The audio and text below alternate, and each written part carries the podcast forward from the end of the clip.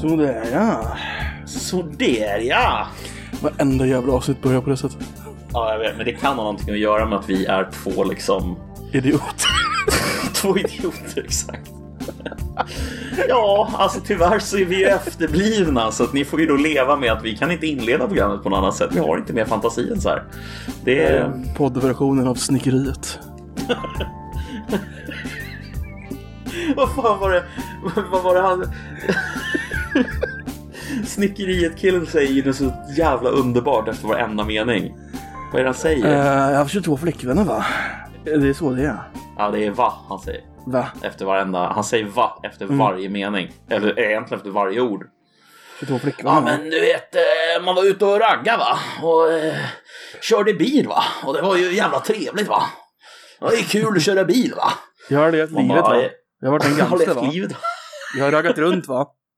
Jag har varit i Norrköping va? Jag har haft brudar va? En brud där, en brud där va? Du vet, uh, Helsing Outlaws. Jag har varit med dem va? De fixar det va? Det är De, lugnt fixar, grabben. de, sa, de sa det är lugnt grabben va? Va? Så jävla underbar.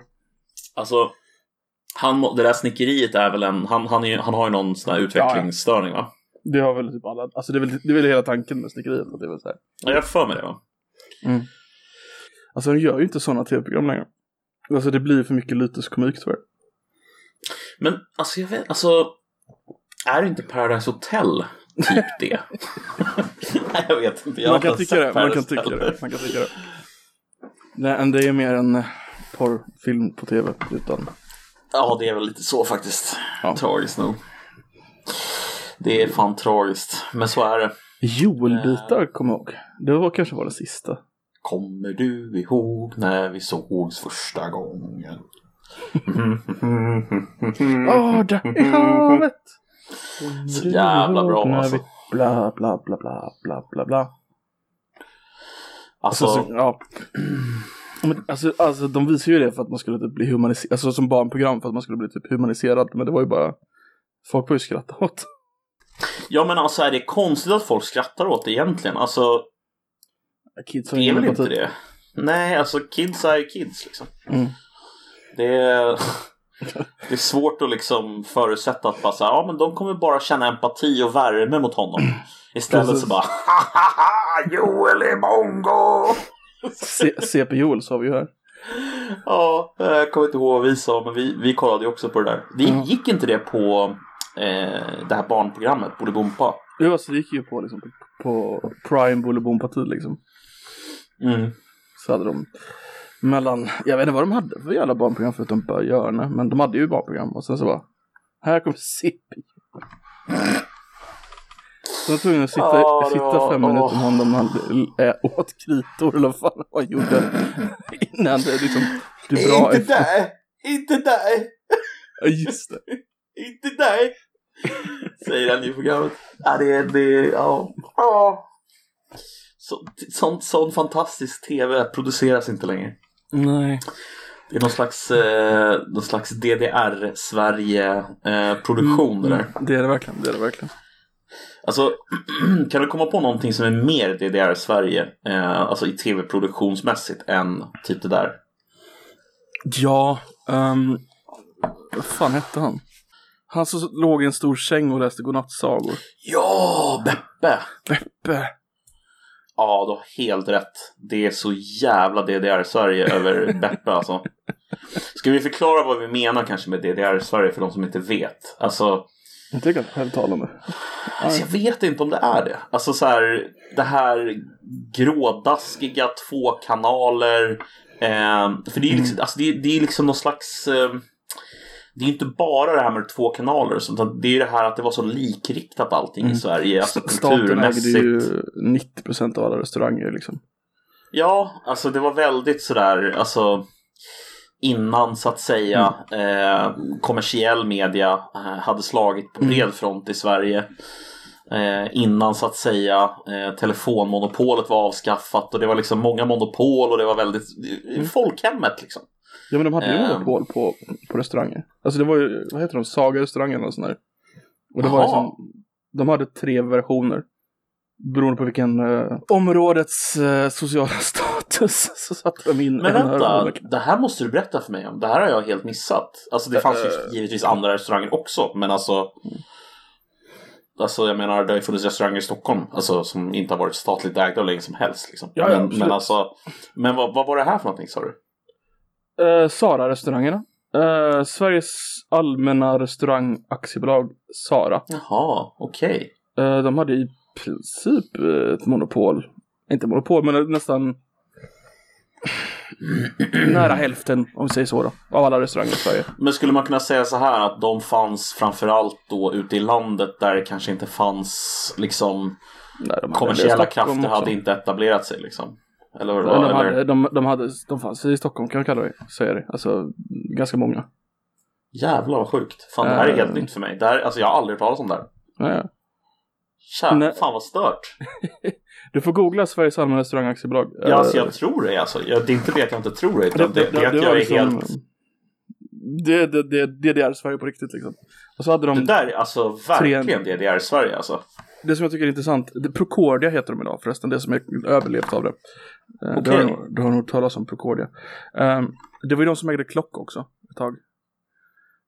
Ja, det är Klock- samma alltså. Ja, det är samma företag. Men ett tag så hade de tre nivåer. Finrestaurang, mellanrestaurang och arbetarrestaurang.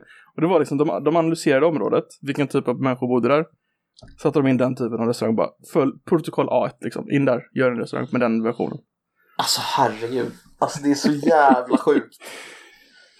Ja, allting skulle vara standardiserat och bra, så skulle, kunde man få liksom samma utbud på alla ett restauranger liksom. Alltså jag får bilder i huvudet du vet av den här eh, Jag vet inte om jag har berättat om det för dig förut Men landet brunsås Såg du det programmet när det gick? Uh, vagt. Känner igen det. Nej men de pratar om, eller det var kanske historieätarna var det nog Men det är Mm, samma det två personer Mm. Då, när, de är, när de är inne på 60-talet tror jag det är Eller om det är 50-talet När de är inne i den standardiserade lägenheten Mm. Det är fruktansvärt intressant. Alltså när de ska visa så här hur allt är standardiserat. Så här, höjden på diskbänken och hur långt det ska vara till, till de här sågen med, med kryddor, kryddor och såna här grejer. Så har de så här mätt. Mm. Ja, bara, ja, den, liksom standardlängden på en svensk kvinna är typ så här lång. Och det är givet att det ska vara en kvinna som är i köket och verkar. Liksom, så att då ska liksom kökets eh, diskbänk vara så här hög. Och, så, alltså man bara, och det ska vara så här långt att gå mellan diskhon och Alltså det är så här, vad fan är detta? Men Ja, det, ja. Nej, det, vi, eh, det var speciellt där alltså på 50, 60, 70-talet. Väldigt speciellt. Väldigt speciellt alltså. Det är en revolution som ägde rum, tyst revolution på 80-talet alltså. ja, verkligen. Eh, Det kan vi, kan vi tacka Reagan och Thatcher för. Tack. Fast de Och var ju inte Carl Sverige. Bildt. I Sverige hade vi Palme. Mm. Men det blev ju borgerlig regering där i slutet av 70-talet. Var det 77 eller? Mm, Med, eh, fan inte ihåg. Jo, men jag kommer ihåg Jag tror det är något sånt, något sånt där med? Centerpartisten. Och Ola Ullsten och hela den grejen. Precis. Sen var det en folkpartistregering i typ två veckor eller fan det var också. Ja, ah, just det. Var inte, men var inte det Ullsten? Jo. Eller hur? Och den andra var han... Eh, eh, jag hörde en annan rolig... Alltså, ah, det kan faktiskt leda mig in på den här boken jag köpt. Jag, alltså, Kör. vad hette han, Centerpartisten? Vad hette han? Eh, håll, håll, gränsen-partisten. Han. Mm, Håll gränsen! Ja, men vad heter han? Eh, Tor, Tor, Torbjörn Fälldin, eller hur? Ja. Kommer du ihåg den här skandalen Precis. som, eh, som han var inblandad i? Han var ju inte med egentligen, men han blev inblandad i den. Eh, det här med hororna och eh, eh, det här, det här prostitutionsskandalen med... Eh, ehm, Det har vi pratat om tidigare. Mm, men vad hette den skandalen? Mm, Hopp. va? Just det, Geijeraffären, tack. Mm. Med Doris Hopp. Doris Hopp var ju hon som var liksom eh, hon som tog hand om hororna då. Eh, och eh, hur som helst, bordellmamman, tack. Och eh, det som påstods det var ju att eh, Fälldin hade varit med där. Och då, det här är så roligt. Aftonbladet, dagen efter det här avslöjandet så gick Aftonbladet ut och råkade ha ett stavfel i hans namn. Kan du gissa vad stavfelet var? I... Uh, Torbjörn Fälldins namn. Det är ganska uppenbart. Horbjörn Fälldin. Åh! Jajamensan! Så dåligt. Horbjörn Fälldin. Och så skyllde de det på att de hade råkat. Det där går bara- inte att råka. Nej, det gör ju inte det. Horbjörn Åh. Fälldin. Vilka var det som hade det? Var det DN? Aftonbladet. Aftonbladet? Aftonbladet, Aftonbladet Och det läste jag. 190 i veckan förresten. Oj, är det sant? Mm. Har den alltid varit vänster? Vet du det? Ja. Tidningen. Alltid varit Ända sedan början. Ja, ja, absolut. Det är därför den Ehm. inte fick eh, finnas i början. För den var för... eh, så jag tror att det här är Aftonbladet 11 eller så. Alltså de... Staten la ner den flera gånger om i början. Eh, för att den var för radikal. Och Sverige var lite mer, mer konservativt under 90 år sedan om vi säger så. Ehm, lite. Så de la ner tidningen bara, det här får ni inte skriva. Nej, okej, då lägger vi ner Aftonbladet.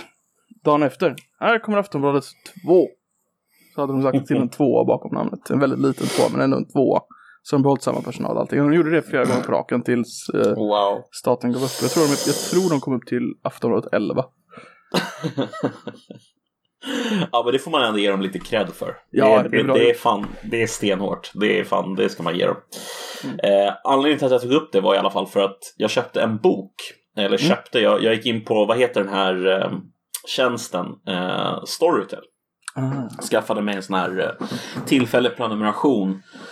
För att jag inte ville köpa boken för jag visste inte om den skulle vara bra. Men vet du vem Bo Tutenberg är? Mm, Eh. inte blekaste. Är en, han är en före detta folkrättssakkunnig på UD. Det enda jag vet är att jag vill felstava hans efternamn. Hur, vill du, hur, vill du, hur vill du felstava det då? Men, två T. Mm. Tuttenberg. Yes. Yes!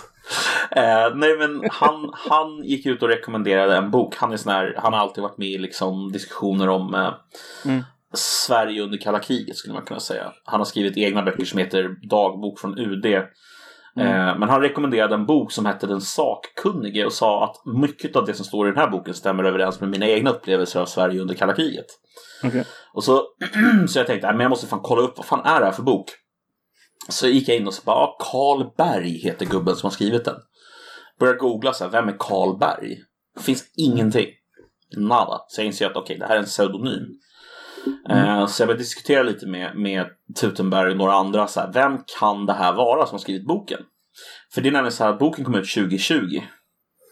Eh, och den är skriven av någon som har insikt i Socialdemokratiska partiet under egentligen, skulle man kunna säga, så här 50-talet hela vägen fram till början av 90 ungefär.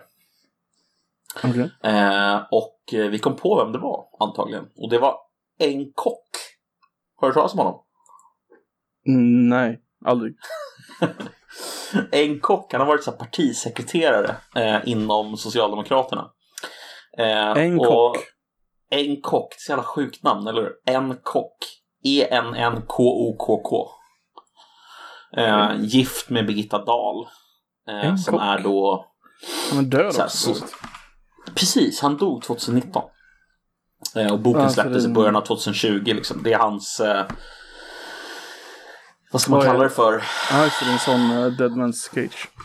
Exakt. Eller ja, det är en, en bok som handlar om eh, hur det var inifrån så att säga. Och det, det, det är intressant för att hans, hans berättelse om så att säga Socialdemokraterna inifrån är väldigt intressant.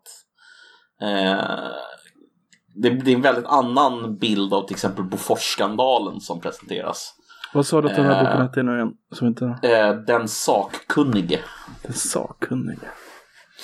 Okej. Han har ju, han, jag bara googlade upp honom. Han har skrivit en bok 2001 om militärens hemliga nätverk i arbetarrörelsen. Så han, Jajamensan. verkar ju intresserad av ämnet i alla fall. Och det var den, det är den boken jag beställde från ett eh, sånt här antikvariat. Eh, Den boken som du sa nu. Eh, Arbetarrörelsen och det där. Eh, så den ska jag försöka läsa, eh, tänkte jag. Få lite information om eh, vad fan som pågick egentligen inom arbetarrörelsen och hur mycket de faktiskt lyckades övervaka. Under den tiden. Jag tror de var jävligt duktiga på det där faktiskt, Socialdemokraterna. Är min bild. Att övervaka, att Socialdemokraterna var duktiga på att övervaka andra. Alltså de var duktiga på att övervaka kommunister. Mhm. Under den här perioden. Eh, väldigt duktiga. Mycket Man skulle möjligt. kunna säga att, alltså så som jag har förstått det så här i efterhand så är det egentligen så enkelt som att Sverige skulle ju vara neutrala. Men för att bibehålla neutraliteten så behövde vi kunna köpa försvarsmateriel från USA och NATO. Eh, för att kunna få fortsätta köpa de eh, försvarsmaterielen från eh, USA framförallt då så var kravet från USA att vi skulle hålla koll på våra kommunister som jobbade på de arbetsplatserna där man tog, eh, där man så att säga använde sig av de här eh, teknologierna som flygmotorer, eh, ja, du fattar, robotar eh, och så vidare och så vidare. Så kravet från USA som ställdes på svenska socialdemokratiska arbetarpartiet det var att de skulle hålla koll på så att säga eh, elfte kolonnare liksom. Heter det elfte kolonnare? Är det så man säger? Femte. Femte kolonnare säger man, fan. Tack. Elfte kolonner. Nej men eh, att de skulle hålla koll på dem liksom. Så att, så att det var därför som, som IB började liksom kartlägga så hårt. Mm. Det tycker jag är en rätt rimlig förklaring. Ja, det känns inte som en... Alltså det känns som absolut en rimlig förklaring. Så det känns inte som, som att... Det känns som att det borde vara, alltså... Det känns inte som att det vore en nyhet om det var så. Alltså det... Vad skulle IB annars, vad var anledningen? Alltså, skulle IB bara vara några gubbar som kom på sig själva bara, äh, vi kör. Alltså, det, klart Nej, det måste finnas precis. en anledning. Exakt, det är klart det måste finnas Mm. en anledning. Eh, exakt, och då är ju det en anledning så god som någon kan jag tycka. Det är en väldigt bra anledning. Absolut. Eh, På tal om att köpa böcker. Um, ja, jag har syndat. Jag har syndat. Jag har handlat på Amazon.se.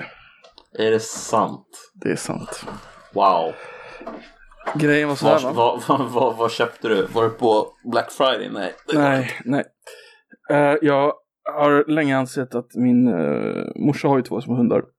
Mm. Och för några år sedan så köpte jag en jättestor nallebjörn till dem. Eller då var det bara en. Så jag köpte en jättestor nallebjörn. Alltså så här. Du fattar inte hur stor den är. och de har typ fått ut hälften av all uh, fluff i den. Men den ena ligger alltid på den och sover. Den är så stor alltså. Ah, okej. Så jag har insett att han, de borde ju ha en, en hundsäng. Ja, givetvis. Men morsan bara, nej de kan sova i sängen.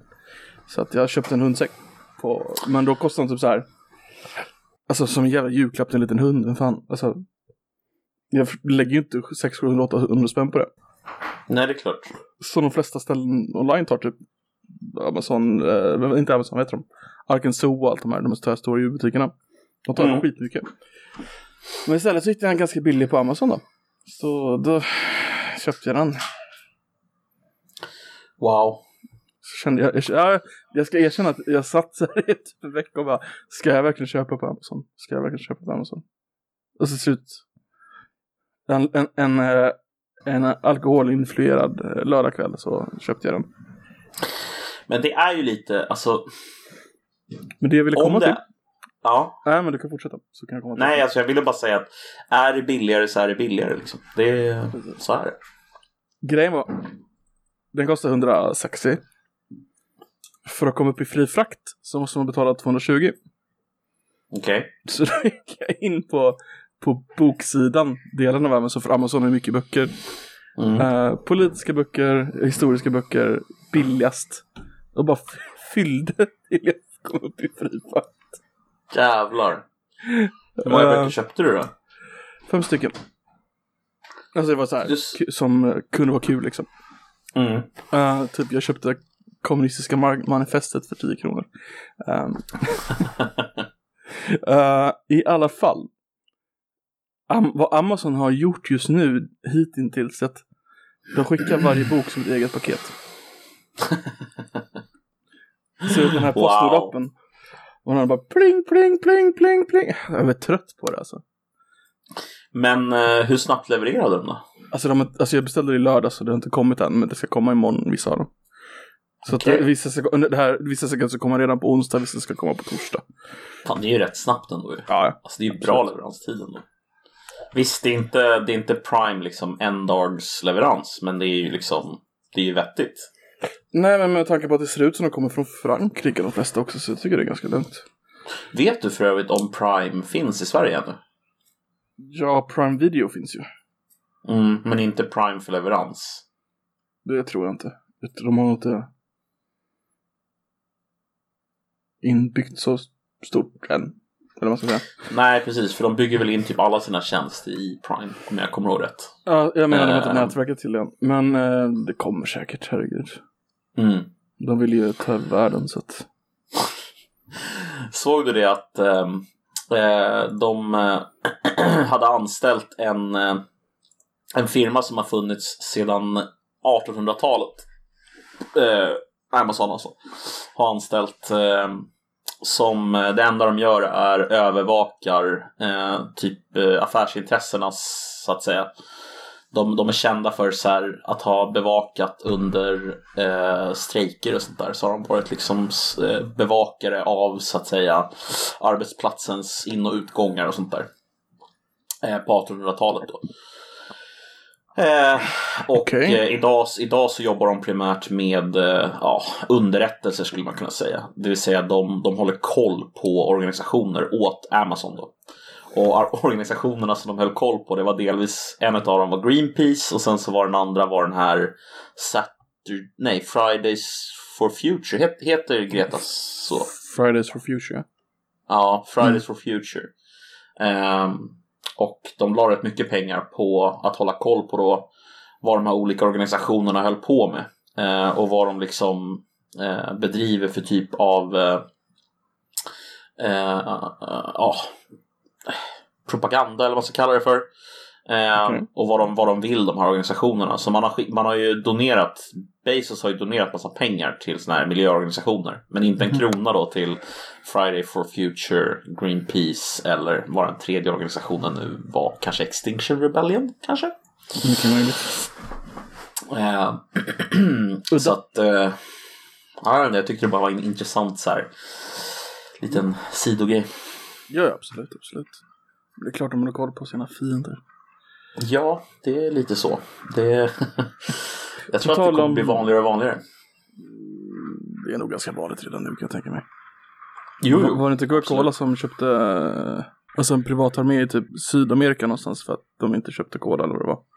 Att de landet blev förbjudna. Vad fan var det? Blandar du inte ihop det med United Fruit? Kanske. Jo. Alltså de som, eh, de som CIA mer eller mindre gick in i eh, Guatemala för att eh, stödja jo. på 50-talet. Det är en rolig grej.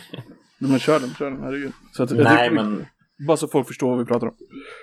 Alltså så här var det att eh, CIA eh, Det var en gubbe som hette Arbenz som eh, var ledare eller statsminister, premiärminister, whatever, president för Guatemala eh, på 50-talet. Och eh, då började han att eh, socialisera och förändra i ekonomin. Då skickade CIA in sina, liksom, vad ska man kalla det för, regimförändrar experter. Och eh, avsatte honom helt enkelt. Eh, och eh, sen så hade United Fruit då som idag kallas för Chiquita. Eh, mer eller mindre ja, kunde göra vad de ville eh, i Guatemala. Och fortsätta betala folk slavlöner.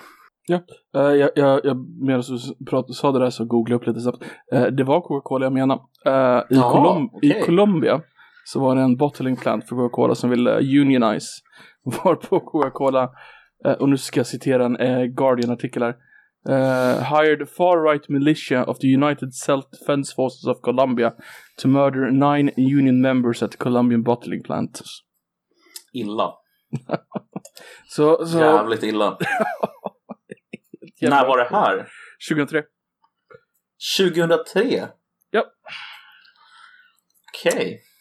Så Mm. att eh, om du ska sälja Coca-Cola får du inte vara med i en union. Nej, det... Eller fackförbund. Jävlar. Eh, Ja. kan, jag, kan jag dig länken så kan du läsa om det sen. Men du, på tal om eh, miljögrejer. Ikea-katalogen kommer ju aldrig komma mer. Har du hört detta? Nej, jag hörde det. Jag hörde det. Ehm, Vad, eh, vad är liksom eh, anledningen till det? Miljötänk. Ja, det är så. Ja, alltså det är ju världens mest tryckta bok. Inklusive Bibeln. Nästa. Oj. Bibeln är ju två nu vad jag har förstått. Gick ju, IKEA-katalog gick ju om för några år sedan. I tryckt text. Mm. Det är helt otroligt ju. Mm. Men nu kommer ju Bibeln gå om igen då, för den fortsätter ju tryckas. Mm. Nej men det är ju, alltså det är, alltså det är ju, IKEA-katalogen är ju en grej liksom. Det är, man har ju växt upp med den. Jag har alltid Mm. koll- kollat IKEA-katalogen när jag varit mindre liksom. Men det är klart, folk kollar ju på nätet nu. Men det är, det det är ändå lite tråkigt. Ja, verkligen. Nej men fan vad galet det där du sa om att IKEA-katalogen alltså är eh, den mest, eh, den mest sålda, eller mest tryckta eh, boken, eller vad man ska kalla det för, någonsin. Det är helt otroligt ju. Det är inte så konstigt med hur många, alltså de trycker ju miljoner ex varje år. Jo, och, och nu ska de helt sluta i hela världen eller bara i Sverige? Oh, jag tror det är hela världen. Okej. Jävlar. Det är rätt otroligt ju. Det är det. Vad har du för relation till Eh. IKEA-katalogen?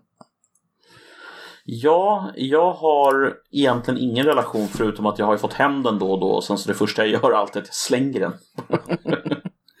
Men det, är- det är liksom inte så konstigt för att man kan ju kolla på nätet istället så att säga. Men när du var, när du var liten hade ni den hemma? Eh, ja, det hade vi. Definitivt. Du kollade på Den... den? Alltså jag gjorde inte det. Men jag vet att den fanns. Alltså jag kollade aldrig i den. Men det var ju som alla Eh. hade IKEA-katalogen hemma. Ja, det var väldigt, väldigt eh, eh, allmän, allmängiltig. Den fanns Det var, överallt. det var, det var lite så här, det är där Sverige, du måste ha IKEA-katalogen. Ja, Standard Men- men- man hade ju en annan katalog dock som var jävligt nice. Kommer du ihåg den katalogen? Vilken, vilken, vilken tror jag tänker Du på? tänker antingen på Ellos eller Clas Ohlson. Clas Ohlson hade man också, men den här tyckte jag var bättre än Clas Ohlson. Mycket bättre. Tänker du på samma- Ellos-katalogen? Nej, nej, nej, nej. det här var när man var yngre tyckte man att den här var bättre. Och det var inte BR-leksaker heller, utan det var Teknikmagasinets. Nej, den hade man inte. Den hade jag. Teknikmagasinet är inte så jävla gammalt. Eller? Nej, alltså det, det försvann väl ganska nyligen va? Och jag gick i konken. Ja men de är kvar. Eller ja, ja den butiken är ju borta. Jag tror de gick i konken ganska nyligen. Jo, jag för mig att de Faktiskt. försökte i konkurs. De är på rekonstruktion tror jag. Ah, så kanske det Så är. vissa butiker är kvar men inte många. Nej. Nej men de är, alltså jag kommer ihåg att man låg så här, jag och en polare, man, typ man sov över hos någon polare så låg man så här med teknikkatalogen framför sig och så, så pekade man på någonting på varje sida som man ville ha så här, ja vad vill du ha? Jag vill ha det där, ja jag vill ha det där. Så man roade sig mitten av 90-talet. Teknikmagasinet. Fy fan. Ja, vad fan Clas Ohlson har ju inga roliga prylar ju. Det är ju bara så här sågar och kul. hammare och... nej, nej, det är fan inget kul. That's not my thing alltså. Ehm, men Du- eh, ja, yes. Nej, ser du. Det var det som för konstig övergång. Så att, ehm, jag tänkte på, på, på Hesa Fredrik. Det var Mm. bara dum jävla tanke jag hade när jag var, hörde den idag. Tänk om det är en syrisk flykting. Så det kommer. Det finns ju några sådana i Sverige. Mm. Eh, så kommer du till Sverige. Varit här i två månader. Du är på en SFI-lektion helt plötsligt. Hör du liksom flyga larmet. Hur reagerar du liksom? Oj. För jag kan tänka mig att du inte får en, liksom en, en bok. Här är allt som händer i Sverige en månad. Eller ett år. Alltså du... Du måste ju tro att det är en riktig alarm nästan eller? Alltså, ja, rimligen. Alltså om ett flyglarm drar igång så kan jag tänka mig att man reagerar om man Mm. har den typen av eh, bakgrund. Eh, Precis. Jag tror det är svårt att inte göra det. Tänk om man har en massa SFI-lektioner i Sverige som helt så här förlorar hel, varje, var, var tredje månad. Eh, månad. Och bara tappa koncentrationen helt så här. Ja men det, det är inte Ah. omöjligt. Nej, nej, det är det inte. Absolut inte. Jag tror till och med det är ganska, ganska rimligt. Alltså givet eh, förutsättningarna. behöva lyssna på Hesa Fredrik varje jävla må- eller ja, första måndagen i kvartalet eller vad är det? Första måndagen i kvartalet, ja. Ja. Jag menar, jag blir ju förvånad varje gång som Hesa Fredrik drar igång. Det är inte direkt som att man går runt och tänker på så ja ah, vänta, nu är det den där månaden. Så att nu händer det. Eller går du runt och bara, mm, ja Idag- varje dag idag det händer. Hesa Fredrik. idag det händer. Då det händer. Yes, nu piper det. Tört. Men det är bra jävla ljud alltså. Ja, ja. Det ska det ju vara också. Oj, nu har Danmark stängt ner för övrigt. Ja. Stänger ja. delar av landet. Smittan har ökat med 20-25% per vecka. Jo, de gick ut med det i morse. Det är Ja. kuken. Vi kommer ju få nya, nya restriktioner här snart också. De vi har nu, just nu löper ut om några dagar. Jaha, så att det kommer gå från 8 till färre tror du? Eller kommer det vara samma? Det vet jag inte. Alltså det är antagligen samma. Men det är bara att de löper ut. Alltså de har ju tillsatta till 13 december. Mm. Så att, så att även om vi får samma så är det ju tekniskt sett nya restriktioner. Mm. Ja, men precis. Du, om jag säger Ja. The Squad, vet du vilka jag menar då? Alltså, jag känner igen det. Det är fyra kvinnor i amerikanska senaten tror jag. Mm. Eh, Alexandria Ocasio-Cortez är en av dem. Eh, Rashida Talib är en av dem. Japp, japp. Och de andra två kan jag inte. Jag är förvånad att du kan Rashida Talib och inte Ian Omar. Jo, jag kan Ilan Omar också. Det kan jag faktiskt. Mm. Men den fjärde kan jag inte då. Vi börjar med Ocasio-Cortez. Ja, Och det här kommer bli lite visuellt för lyssnarna. Men vet du att hon har startat en webbshop? Hon börjar sälja ett merch. mm. jag hörde Just- detta. Du hörde detta? Jag tänkte vi skulle kolla på den och se vad du tycker om hennes t-shirts som hon säljer. Om, ty- om du tycker att de är coola. Eh, nej, Eh, det tycker jag inte. vad tycker du om den högst upp till höger på första raden? Att den är ful. Läs vad det står. Drink water and don't be racist står det i turkost. Nej, den Yes. där är inte snygg alltså. Jävlar Alltså, vad vad dyr, Är det dyra de är. budskap? Drick vatten och var inte rasist. Alltså, Alltså, det, det är, det är någon typ sådär? av puritaner. Alltså purister, puritaner. Eh, här rel- eh, nyreligiösa eh, Greta-älskare typ. Men varför måste man bli påmind om att dricka vatten? Jag vet inte. Eh, jag vet inte vad poängen med drink water är i det här fallet. Nej, don't, det- Alltså don't be racist fine, men drink water. Alltså det måste ju vara någon, det måste finnas någon politisk koppling. För alla de andra har ju politiska kopplingar. Eh, men drink water måste ju också vara något politiskt. I det här fallet då. Om det är Oka, o, o, Ocasio, Ocasio Cortez. Heter hon Ocasio? Eller Ocasia? Ocasio va? Ocasio. Ja, Ocasio Cortez. Ja. Och så har du The Green New Deal och Tax the Rich. 58 Hon är- dollar för en sweatshirt. Mm. Ja. Precis vad en arbetarklassperson vill ha. Mm. Minimum wage, vad är det? 7 dollar och 50 öre. Mm. Så att du har jobbat. Det är en hel dag. En hel arbetsdag. För att få en Mm. tröja.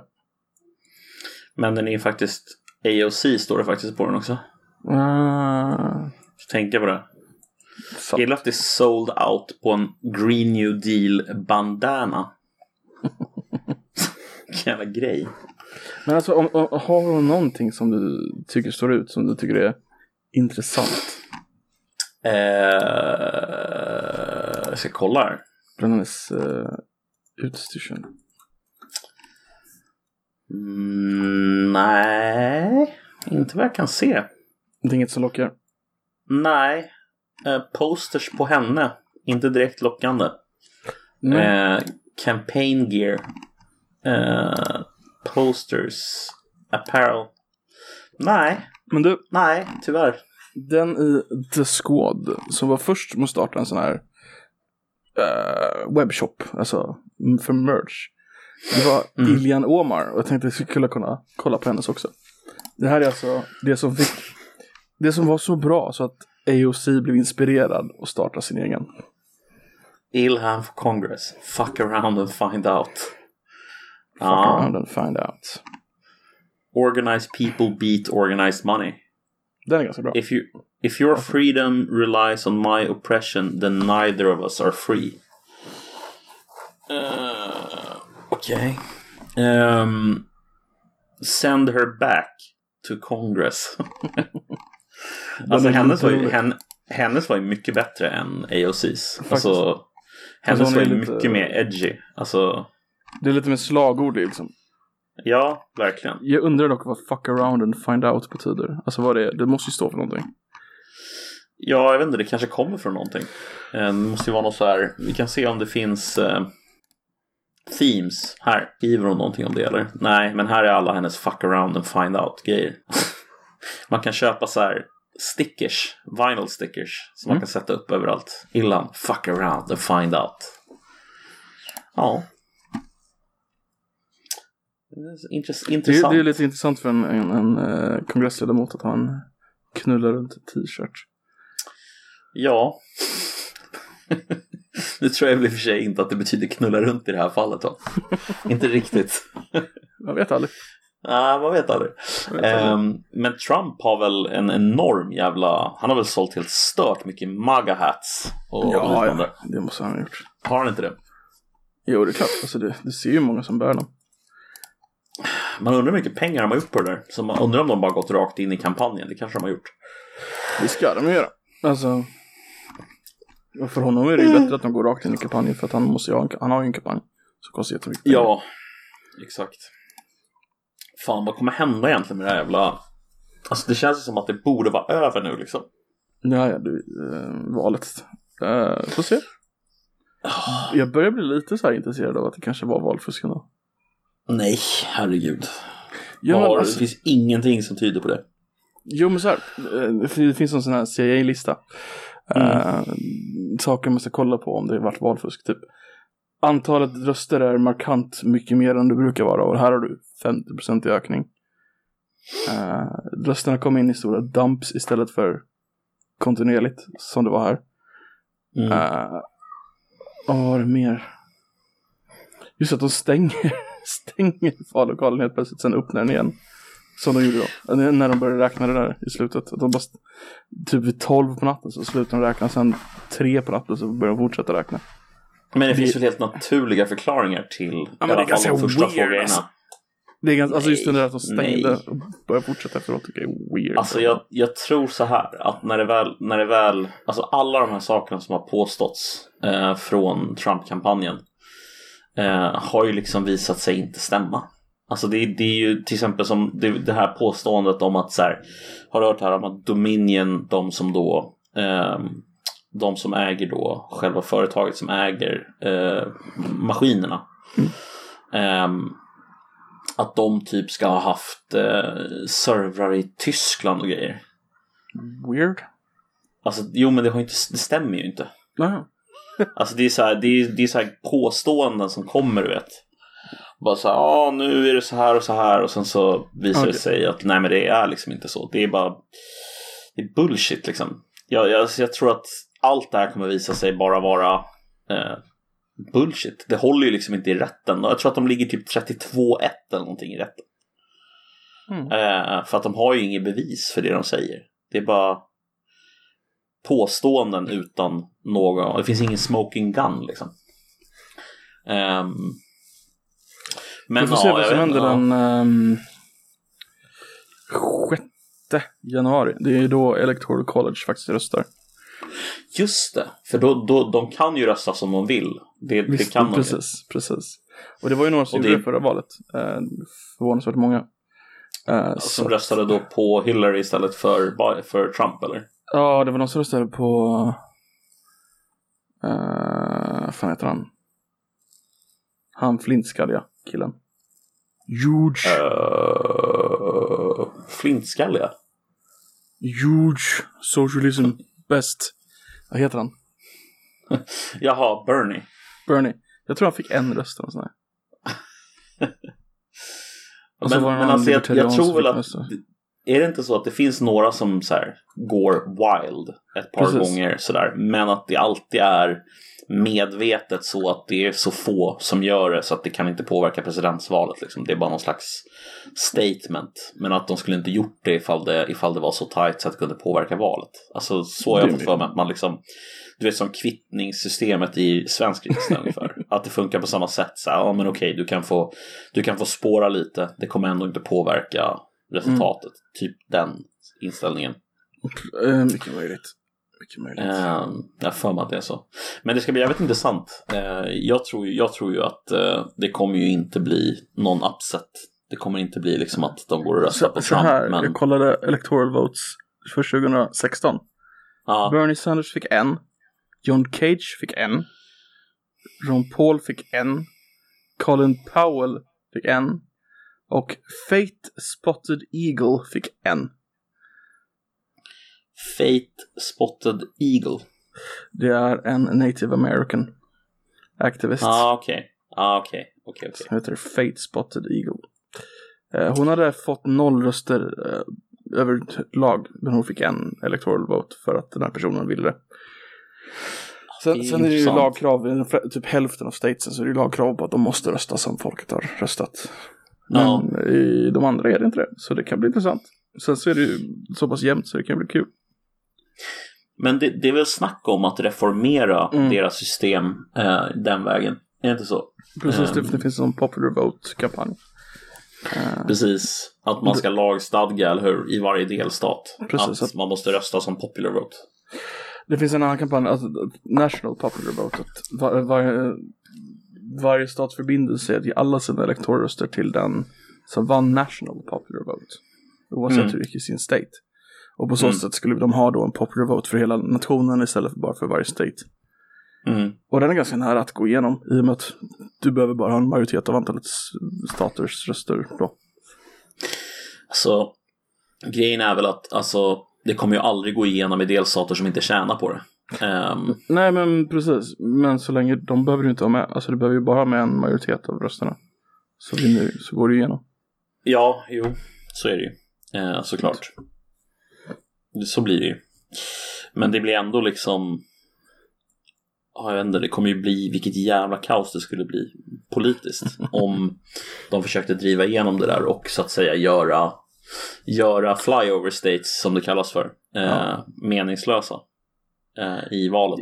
Alltså, B- både ja och nej, alltså det, det, det kräver ju fortfarande befolkning. Men å andra sidan så har ju New York, eh, LA och typ tre andra stä- städer, typ hälften av befolkningen tillsammans.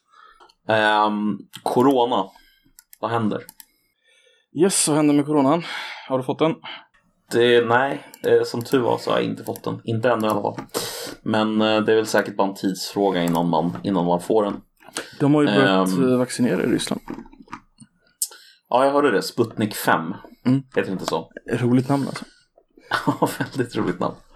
Men eh, det jag tänkte på var, vad tror du kommer eh, hända med den svenska strategin? Kommer de att... ehm, för för jag, jag upplever lite så här, den svenska strategin, det känns som att den börjar få extrem kritik nu.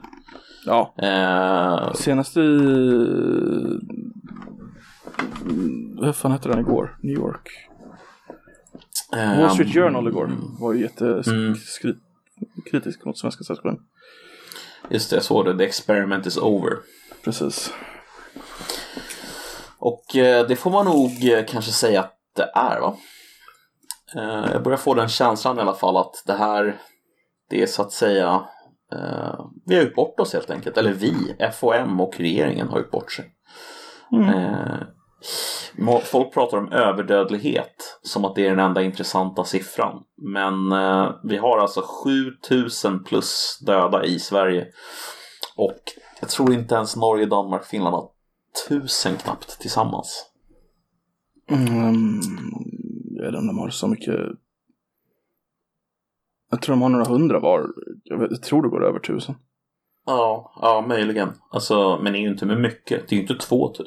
Alltså, det är Ja, någonstans där möjligen. Så 1200, 1100 Ja, kanske. absolut, max. Eh, Men det är lite intressant att, eh, att vi har så höga siffror i jämförelse. Men man ser ändå inte på det här rullande eh, överdödlighetstalet. Jag vet inte vad som är fel på överdödlighet men det känns som att det inte riktigt mäter. Nej, Ehm, nej. Sen är det väl en månads släp på det också. Och sånt där. Är det inte det? Mycket möjligt, mycket möjligt. Men alltså det... Tror du kommer ha någon inverkan på våran eh, till synes övertro på myndighetsutövande? Nej. Du tror inte det? Nej, jag tror faktiskt inte det. Jag tror att det sitter så djupt i den svenska folksjälen att, eh, att eh, lita på myndigheter i vått och torrt i alla sammanhang hela tiden. Så att, jag tror faktiskt Även inte nu att det när kommer vi påverka så så mycket. pass straffade för det. Ja, till och med vi nu inte när vi har blivit så straffade för det. Nej, tror inte det. Jag tror att vi, vi, vi eh, jag tänker på till exempel eh, migrationskrisen 2015. Jag Mm. tänker på eh, hanteringen av eh, corona. Jag tänker på hanteringen av eh, eh, tsunamin. Mm.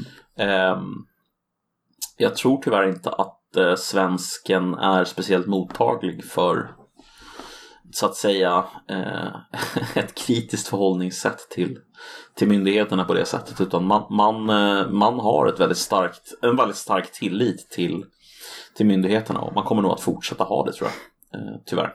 Är det ett arv från DDR-Sverige?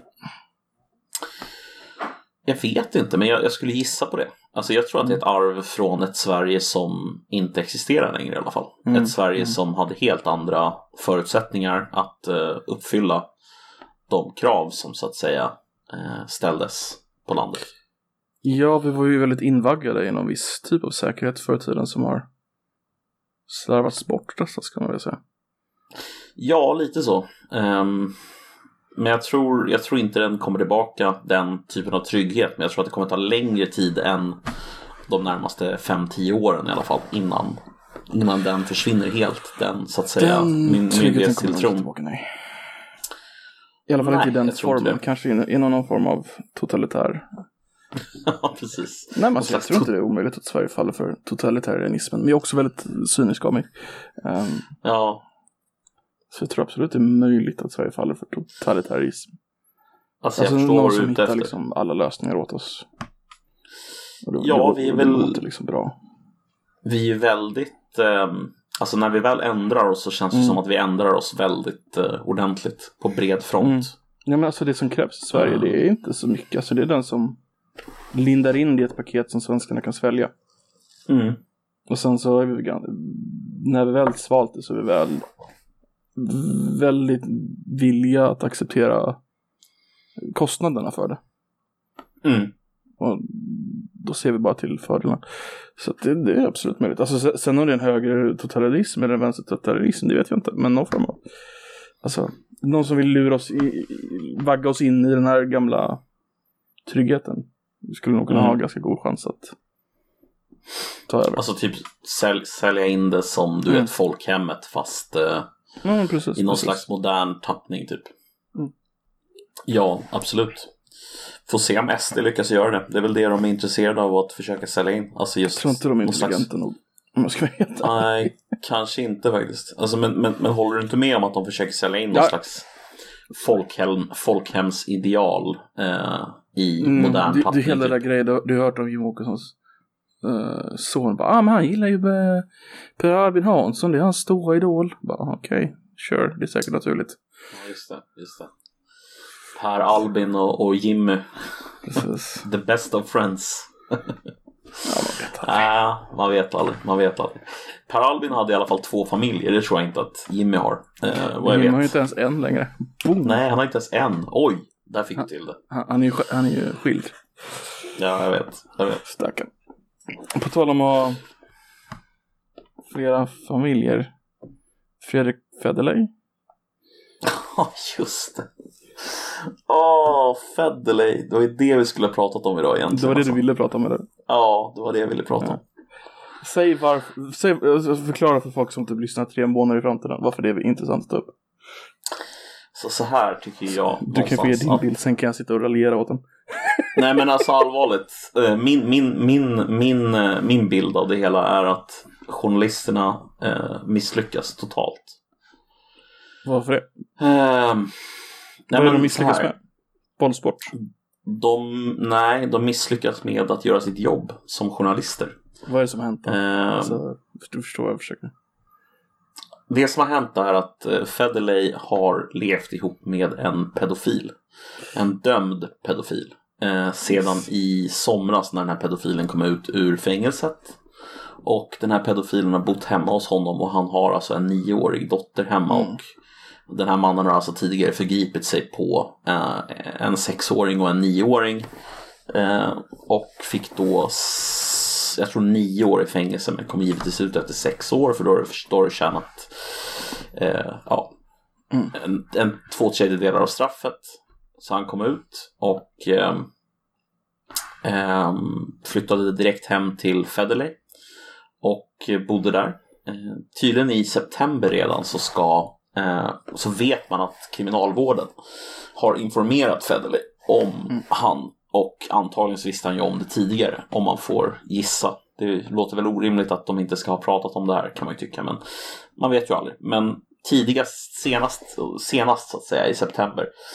Och eh, när det här då kommer fram så, så är det liksom ingen som börjar gräva i det här utan de väntar alltså tills eh, Centerpartiet går ut själva och säger att förtroendet för Federley är allvarligt skadat. På grund av att han då har vetat om det här och jag kan ju, jag kan ju tycka någonstans att det är ju helt Alltså det är helt sjukt. Mm. Att de inte själva gräver i det här och tar reda på liksom vad Federley eh, har vetat om och inte vetat om. Det, det Ja, tycker precis. jag är eh, tjänstefel alltså. Från deras sida. Det är alltså så, den näst tyngsta centerpartisten. Ja, stämmer. Eller är det den tredje kanske? Det vis, han är andre vice ordförande va? Men vem- alltså vem är vice ordförande då? Det vet jag inte. Men precis. eh, någon. Ja, men alltså den, han är ju parlamentariker. Han är ju ja, herregud. den Han är ju viktigaste. Alltså superframstående. det, det är ju ingen annan i Centerpartiet förutom Löf som är liksom medieintressant. Nej, nej men så är det ju. Han är ju tveklöst den mest intressanta. Alltså, Ja, förutom då hon. Eh, eller mediala. Han är väl den mest mediala förutom hon. alltså de började ju inte granska det här förrän Centerpartiet själva gick ut. Så att när Centerpartiet gick ut i veckan och berättade att de gick ju inte ut och berättade att han har varit med en pedofil och grejer, men utan bara att han har haft dåligt förtroende, att de tappat förtroende för honom. Det är väl först då började, media började gräva, inte innan. Nej, Men nu, precis. nu har de ju grävt lite, så nu vet vi ju lite mer om det. det, det, det en grej som har kommit fram det är ju att kriminalvården hade ett möte med Federley redan i september Mm. om, om eh, hans partner. Och Federley reagerade negativt på mötet, det vill säga att han var sur att kriminalvården besökte honom och sa det här till honom för att det kunde påverka honom negativt om han satt i ett register med, i och med hans arbete. Så han var inte sur för att de sa det till att din sambo är pedofil och du har ett barn. Utan var sur, han var sur för att de sa det till honom att det kunde påverka hans appearance liksom. Men han saknar ju omdöme till 100%. Han har ju inget omdöme. Alltså helt ärligt. Nej, men det var väl som vanligt, det var väl Ursula som gjorde det. Det här är alltså Ja. en, en ursäkt Fredrik Federer hade, hade för några år sedan när han blev, eh, han satt i eh, något utskott som hade hand om alkoholfrågor så blev han bjuden på en lyxkryssning av eh, Absolut tror jag det var, eller Smirnoff Mm. eller något sånt där. Ja, han svarade att, nej men det var inte han som tog emot utan det var hans eh, crossdressing alter ego Ursula som tog emot. Utan, så han hade ingen jävsituation alls. Så att, han, att han har kommit undan med sådana saker överhuvudtaget tycker jag är helt, helt sjukt. Alltså, Ja. hur, hur är det möjligt ens? Jag vet inte, men det här borde ju... Alltså det här... Du kan inte ha en nioårig, nioårigt barn och bo med en pedofil liksom. Det, det, det, går inte. Det ska inte. Nej, det ska inte gå. Och det, det ska Alltså, inte tolereras av samhället. Punkt slut. Ja, men det alltså, ska bara det, det, fördömas. Även om han var, inte var partiledare så ska det här inte vara okej. Alltså du, du ska ha typ någon myndighet som steppar in i det här fallet. Mm, Och tar barnet ifrån en sån hemsk situation liksom. mm. Nej, jag håller med. Ja, det här är... Det är, Usch. det är vansinnigt. På alla sätt och vis. Vad är det man brukar säga? Det behöver inte vara pedofil för att rösta på Centerpartiet, men de flesta pedofiler röstar på Centerpartiet. Precis. Mm. And on that note. Pedofilpartiet, Löfs pedofilparti. Ehm, Men var det inte de som deras ungdomsförbund som gick ut och sa att eh, de ville avskaffa åldersgränsen för säkert samlag? var det Centerpartiet som gjorde det? Det var inte Luft då? Alltså båda är ju skitpartier men alltså jag tror det var jag tror det var Suffluff. ja, så, Ja, det, det stämmer säkert. Jag är inte förvånad. De, de ska ju vara sådär superliberala, alltså för att bara vara mest liberala ungefär. Så att det nästan blir, blir liksom direkt efterblivet bara. Ehm, 2019 sommaren gick de ut med att de ville avskaffa byxmyndighetsåldern. Ja, ja, ja. Ja, det är ju, det är ju också en, en fråga att brinna för. Nu är ju det i och för sig eh, ungdomsförbund så att det går inte riktigt att ta på allvar alldeles oavsett vad de gör. Men eh, man kanske kan förvänta sig att de är lite mer medvetna om hur det reflekterar på sina moderpartier i alla fall. I någon mening. Ja, det ena fram sådana förslag. är ju pedofiler, det andra är villiga offer. Nej men alltså det är ju, Ja, exakt. nej men det är, alltså, det är helt sjukt alltså. Du kan, att han, att det kan gå så här. Och att, att det, det sjukaste är nog inte att han har gjort det. För det är liksom tydligen hans modus operandi. Det sjukaste är ju att inte det blivit granskat innan. Någon i medievärlden måste ju veta om det liksom.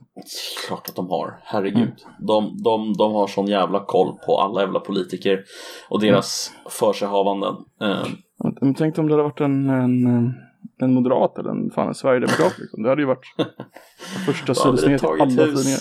då hade det tagit hus i helvete. Det kan vi, kan vi nog sluta oss till. Det, är, det är det här med eh, vill, alltså att man, att man väldigt, väldigt man är väldigt, väldigt blind inför Mm. det som man kanske inte vill skriva om. Ehm, jag tror inte att det är någon liksom konspiration utan det är snarare bara att de, de är väldigt, väldigt ehm, medvetna om vad som, vad som ses med blida ögon och vad som inte ses med blida ögon att rapportera om helt enkelt. Från någon slags eh, media-elit som de bryr sig om vad de tycker. Typ. Skråmentalitet möjligen. Ja, det är konstigt alltså. Mycket, mycket. Är det den där jävla Aschberg som sitter i centrum och styr allting? Ja, måste ju vara det, eller hur? Men han är väl chef för Publicistklubben tror jag. Är Aschberg det? Ja, Alltså. Robert Aschberg? Jaha, nej det visste jag inte. Nej, det tror jag nog inte. Ehm, att han gör. Styr alltså. Över någon slags med, mediaklimat i Sverige. Men däremot så, så tror jag att eh, det finns liksom en, eh, en kultur som, eh, som de lever med. Som Mm. de kanske inte tänker på så mycket men som, som alltid finns där och som jag säger liksom att man ska inte rapportera om politikers privatliv på det sättet om det inte råkar vara någonting väldigt speciellt. Eh, och här... Men, eh, ja nej ursäkta jag ska inte avbryta det där. Men, Nej men min poäng är så här att jag tror att de går vilse i sin egen iver att liksom vara korrekta. Mm, Och sen så får du komma ihåg att det här har ju bara givetvis betydelse om det handlar om personer som så att säga existerar inom ramen för vad som är eh, okej personer. Alltså om det är personer som är i någon mening problematiska, ja men då, då är det liksom, då är det free, då är det bara att köra på mer eller mindre. Mm. Men, men om det, de det existerar... som, eh, ursäkta jag avbryter det där men det är lite som det som eh, om Sverige skulle fall- falla för någon solidär idé att eh, kommer du över gränsen så är du värd att svälja ganska mycket och det, det är det de här människorna har gjort. De har kommit över gränsen för att vara acceptabla människor och då får de ha ett ganska, då får de vara ganska mörka tills Mm. det går över en gräns. För att vi ska, alltså, Ja men precis, alltså Mm. det, det, man, man respekterar ändå den här privata sfären i, i relation till då människor som för vissa. Precis. För vissa då. Mm. Och, och, och hade det varit så att man sträckte ut den, den så att säga respekten till, till eh, även människor som man uppfattar som problematiska så hade det väl varit fine. Men, eh, men det gör man väl ändå inte. Jag tänker specifikt på när Jimmie Åkesson hade problem, om jag kommer ihåg det rätt nu, med spel och dobbel och sånt där va? Vad sa du nu? Alltså Jimmy Åkesson hade väl under Ja. valkampanjen, hade inte hans... Han, han nu. hade vunnit massa pengar på spel och så spelat bort samma, en massa pengar på spel. Så att han hade Så var det väldigt stor, eh, vad, heter, vad heter det? Omsättning. Omsättning. Tack. Mm. Var på TV, SVT anlitade en grupp som hackade hans konto. Alltså hans bankkonto för att se, få se utdragen. Så gick de ut med det i livesändning. När han var där. Och det är ju väldigt sådär, vad ska man säga? Det är Ehm, helt sinnessjukt egentligen. Ja men det är ju så här, vi, alltså de kan säga vad de vill men det är ju uppenbart där att där, där vill man ju sätta dit någon. Liksom. Ja. Man, vill, man vill ju sänka någon och det, det är fine. Alltså, hade de agerat så mot alla politiker så hade det varit fine men det är så uppenbart att det är selektivt. Mm. Eh, och det, det, och det, det är ju inte acceptabelt tycker jag. Eh, tyvärr. Det, det hade varit nice om det var mer allmänt använt mot alla Mm. Men, politiker. men det, det, det Eh, kan vi ju se mot han eh, Josef Seiser här i veckan. Eh, det, det var ju samma samtidigt. Om du kom, vet vem det var. Nej. Det är den här ungerska eh, höger eh, EU-parlamentarikern. Ja, ja, ja, ja, Han- ja. Han, sa- han han som var med på någon alla så- gay... eh, Han var på, han var på en sexfest i Ja, Belgien. just det. Mm, där. EU-parlamentet är. Och så kom det ju fram att han var på en sexfest och det passade inte med hans ideologi. Eh, men det var allt. Eh, Mm. Alla som var där var ju där frivilligt och sådär. Det var inte, det var inte prostitution eller något sånt där tyng, utan det var bara en stor jävla sexorgie liksom. Mm. Eh, men det passade inte med hans ideologi. Hans parti sa nej till dem. Men det här, det skrev ju alla partier om. Eller alla, alla, alla svenska medier skrev ju om det. Jo, precis. Och det, det, det speglar ju någon slags... Mm. eh, det speglar ju någon slags nyhetsvärdering som man gör. Ehm, Mm. Och, och det, då är det ju intressant att man inte gör nyhetsvärderingen. Hmm, vänta lite. Det har ett starkt nyhetsvärde att en av de absolut mest framträdande svenska politikerna bor ihop med en pedofil när han har en dotter hemma som är nio år gammal. Ja, precis. Liksom... Och den här Att man pedofilen inte gör döms för just nioåringar också. Ja, Usch. det är så jävla sjukt. Ja, Ehm, det finns nog en del som gömmer sig Vi, eh, i, i svenska lås och bom där. Ska jag vi kalla det. avslutar där. Kan vi göra. Eh, vill du köra utrot? Så jag kör ut. Jag tänker att du får göra det den här gången. Ja, det här har varit ännu ett spännande och fascinerande avsnitt av Koffepodden med mig, Koffe och mannen som symboliserar Krampus, Nedem. Ha det gött. Hej. Hej.